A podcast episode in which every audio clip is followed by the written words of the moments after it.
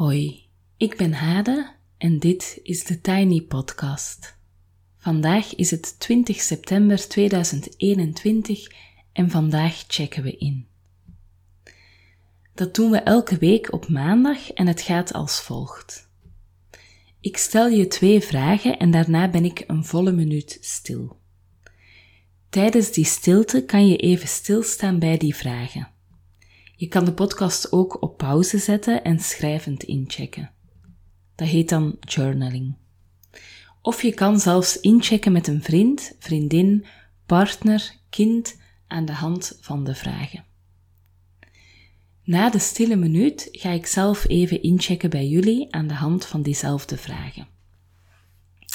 Daar gaan we. De vragen voor vandaag zijn er twee en het zijn de volgende.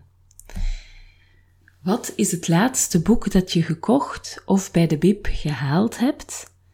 Uh, en wat zegt dat over je? En ik zeg bewust niet het laatste boek dat je gelezen hebt, um, want ik geloof dat, um, nou ja, dat je boeken koopt met een bepaalde intentie. Dus uh, zelfs als je het nog niet gelezen hebt, het laatste boek dat jij gekocht hebt of bij de bib hebt gehaald, zegt volgens mij iets over jou. En dan de tweede. Um, ik had laatst een interview met een vrouw en die zei, Cindy, um, ik ben de computer van het gezin. Dat vond ik echt een heel uh, interessant beeld uh, voor de mental load of mentale belasting die heel vaak bij vrouwen terechtkomt. Um, dat betekent dat je niet alles per se zelf doet, maar wel alles organiseert en overziet uh, in het huishouden. En mijn vraag aan jou is of jij de computer bent, of je nu een gezin hebt, een relatie, alleen woont, met studenten in een studentenhuis enzovoort. Of misschien denk jij spontaan niet aan je thuissituatie, maar eerder aan het vrijwilligerswerk of het werk waar je misschien de computer bent. Voilà. Check fijn in en dan doe ik hetzelfde binnen een minuutje.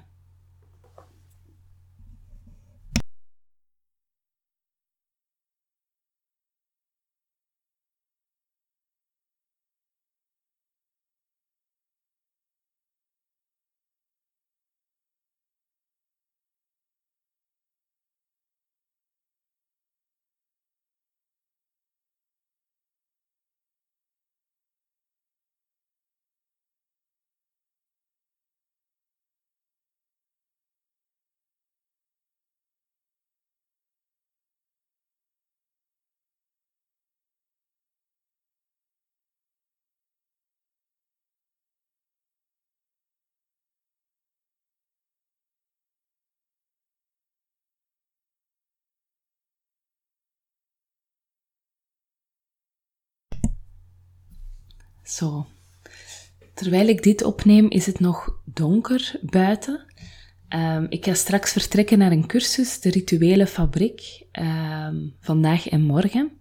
En het is altijd heel spannend om in een groep terecht te komen en iets nieuws te leren, maar ik kijk er ook heel erg naar uit.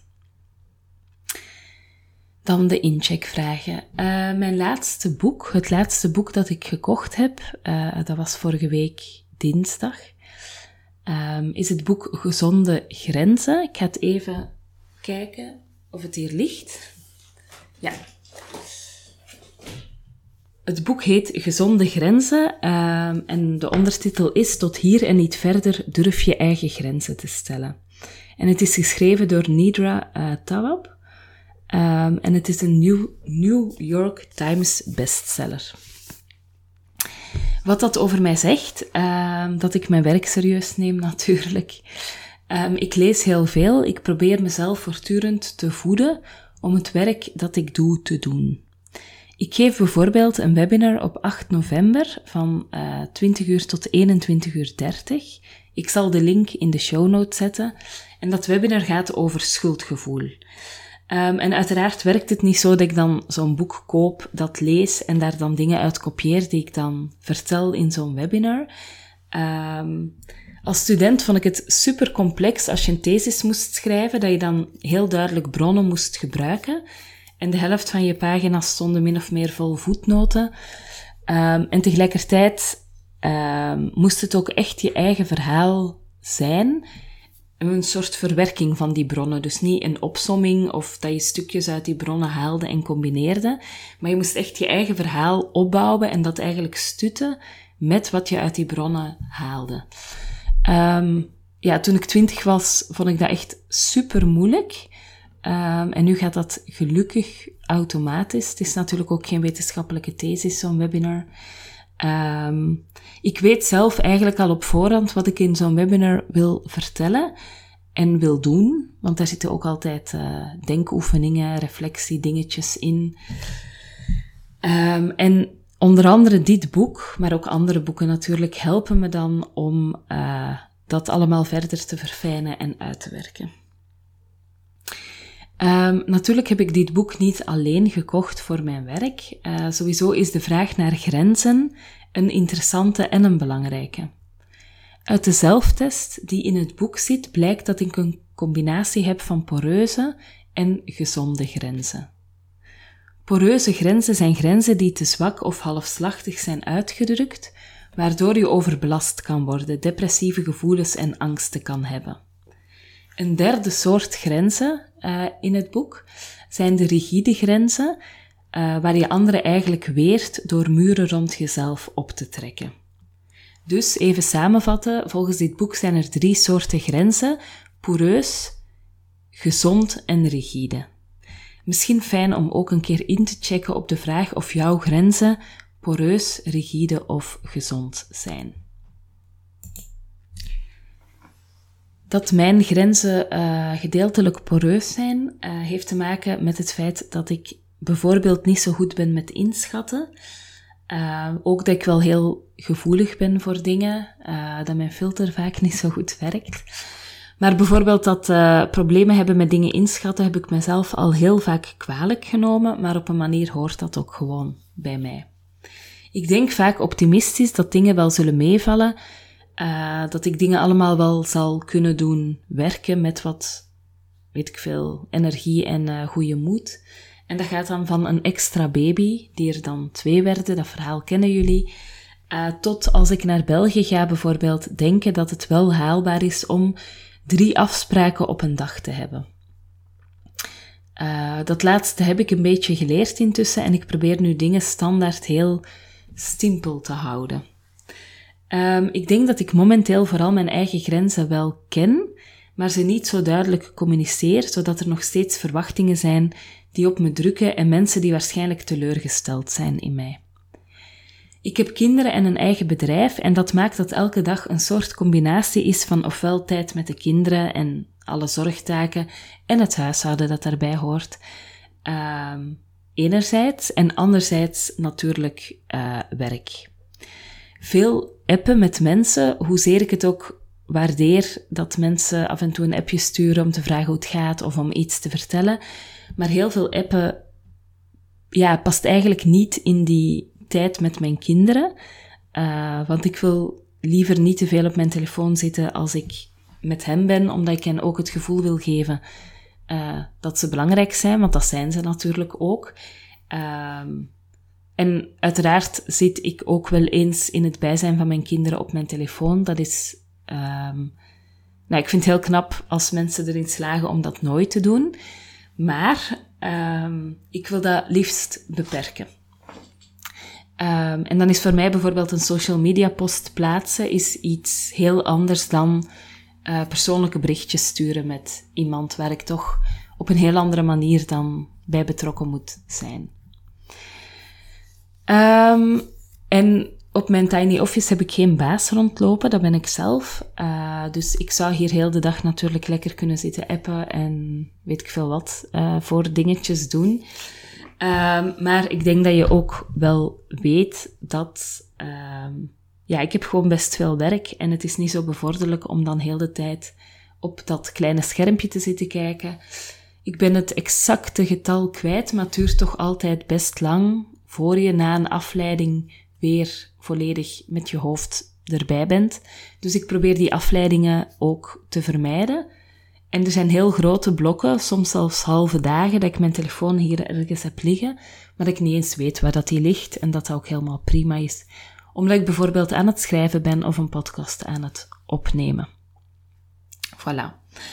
Um, ja, ik vind natuurlijk vriendschap en contact wel belangrijk, maar momenteel past het in die vorm denk ik even niet zo goed in mijn leven met jonge kinderen, om daar dan heel uitgebreid zo mee bezig te zijn. Um, en ik denk dat die grens voor mijzelf wel duidelijk is, maar dat het poreuze erin zit, dat ik dat niet echt vertel aan mensen. Um, en ik denk als ik dat zou vertellen aan mensen, dat het dan van een poreuze grens een gezonde grens wordt. En tegelijkertijd vind ik het ook een beetje gek om mensen te gaan appen dat ik op dit moment in mijn leven niet veel ruimte heb om te appen. Dus dat vind ik ook een beetje. Of om veel te mailen of andere vormen van contact. Hè? Maar ik vind het een beetje gek omdat. Uh, ja, het voelt een beetje raar om dat zo expliciet te maken. Ook al zou dat waarschijnlijk veel rust geven uh, in mijn leven. Als je daar trouwens tips over hebt, mag je dat zeker altijd laten weten. En dan deel ik die ook heel graag even um, weer in de podcast, want ik denk dat misschien wel meer mensen daar baat bij zouden hebben. Voilà. En dan um, over het computer van het gezin zijn. Uh, dat ben ik niet. dat is Pieter. Die heeft daar echt veel meer talent voor. Meer apps op zijn telefoon met lijstjes. Ik denk dat hij ook veel meer overprikkeld geraakt van de rommel dan ik, uh, hoewel ik zeker ook een soort nood heb aan orde. We zijn, ik denk dat dat bij veel gezinnen wel zo werkt, maar uh, bijvoorbeeld, ja, onze keuken gaat elke avond weer naar de uh, basisstaat, zeg maar. Dus de afwas wordt gedaan, alles wordt opgeruimd. Uh, het speelgoed wordt opgeruimd voordat de kinderen gaan slapen. Dus um, we hebben zeker daar wel. Ja, het is niet zo dat ik de boel maar laat uh, versloffen. En dat Pieter alles opruimt, daar hebben we wel echt gezamenlijke um, acties in. Uh, Pieter is ook degene die luiers haalt als ze bijna op zijn en zorgt dat er altijd sojamelk in huis is en baristamelk. En dat lijken heel stomme voorbeelden, want dat is zo simpel. Gewoon naar de supermarkt gaan en melk en luiers kopen. Maar ik realiseer me wel echt dat dat van hem een inspanning vraagt en dat dat een soort van mental load is die hij draagt. En als hij daar op een dag mee zou ophouden, of zou veronderstellen dat ik dat dan overneem, zonder het te benoemen, dan uh, ben ik absoluut niet alert genoeg op dit moment om op tijd te zien dat de melk bijna op is. Dus dat zou van mij zeker ook een inspanning vragen. In de Tiny Office ben ik wel de computer, alleen denk ik uh, niet echt zoals een computer. Wie wel? Uh, dus merk ik dat het vaak best moeilijk is. Ik heb al een paar keer overwogen een deel van mijn mental load uit te besteden aan een eh, VA, een virtual assistant. buiten het feit dat dat natuurlijk duur is, ehm, ja, vind ik het ook heel moeilijk om alles uit mijn hoofd te krijgen en aan iemand anders door te geven. Ik heb gelukkig wel een heel lieve studenten die af en toe taakjes voor mij doet, maar dat zijn dan heel afgebakende dingen. Um, zoals bijvoorbeeld als ik heel veel post moet versturen, dan maakt zij de uh, etiketjes. Uh, ja, dat vind ik heel fijn dat ze dat dan doet. Um, ik werk ook wel gedeeltelijk intuïtief. Uh, en dan is het uitbesteden, behalve van die heel afgebakende dingen, ook wel moeilijk. En doordat ik journaliste ben, heb ik natuurlijk niet echt nood aan iemand die mijn teksten maakt of social media posts schrijft en plaatst. Um, en soms denk ik dat dat, ook, dat dat het voor mij ook wel wat complex maakt. Dat ik, um, ik kan best wel veel dingen, bijvoorbeeld in het eigen tijd project uh, verzin ik het aanbod, ik begeleid het aanbod, ik schrijf de social media posts, uh, ik schrijf de salespagina's en de infopagina's. Um, ik maak een podcast. Um, dus al, ja, ik ontwikkel ook producten samen met mijn geweldige ontwerpster Carmen. En ik kan al die dingen. Uh, dus er is geen nood om dat door te schuiven. Uh, en tegelijkertijd zou het net misschien handig zijn als ik een aantal dingen daarvan niet zou kunnen. Want als je alles kan, dan komt het natuurlijk ook op je bordje terecht. En ik bedoel niet dat ik alles kan, hè, maar van de dingen die zo'n project nodig heeft, omdat ik, ja, natuurlijk als journaliste best goed kan schrijven en ook wel echt ideeën heb over hoe dingen eruit moeten zien. Uh, dat maakt eigenlijk dat ik best wel veel zelf kan. Voilà. Tot daar mijn check-in. Uh, last but not least, dank aan Marie voor het verhogen van mijn latte-factor, waarmee ik bedoel het trakteren op een kopje koffie via het betalingje in de show notes. Ik zet de link naar het webinar over schuldgevoel ook in de show notes. Donderdag, dat is binnen drie dagen dus, uh, is er s'avonds een workshop die ik geef over verhalen schrijven online van 20 tot 22 uur. Je bent heel erg welkom. Het linkje gaat dus in de show notes. Um, ik laat je ervaren dat verhalen vertellen geen kwestie is van goddelijke inspiratie, maar gewoon ook van het volgen van een goede verhaalstructuur en een paar principes. En in oktober start ook de cursus Faciliteren voor Professionals. Ook dat linkje zet ik in de show notes en mail me gerust als je graag wil deelnemen. Tot zover voor vandaag. Je kan me volgen op Instagram, TheTinyPodcast. Als je je abonneert via bijvoorbeeld Google of Apple Podcast, in Spotify of in je favoriete podcast-app, krijg je telkens de nieuwste aflevering in je overzicht en dat is dus elke weekdag. Als je de podcast doorstuurt naar iemand die er ook graag naar luistert, of hem deelt op social media, dan help je me om de podcast te laten groeien. En voor nu een fijne dag en heel veel goed.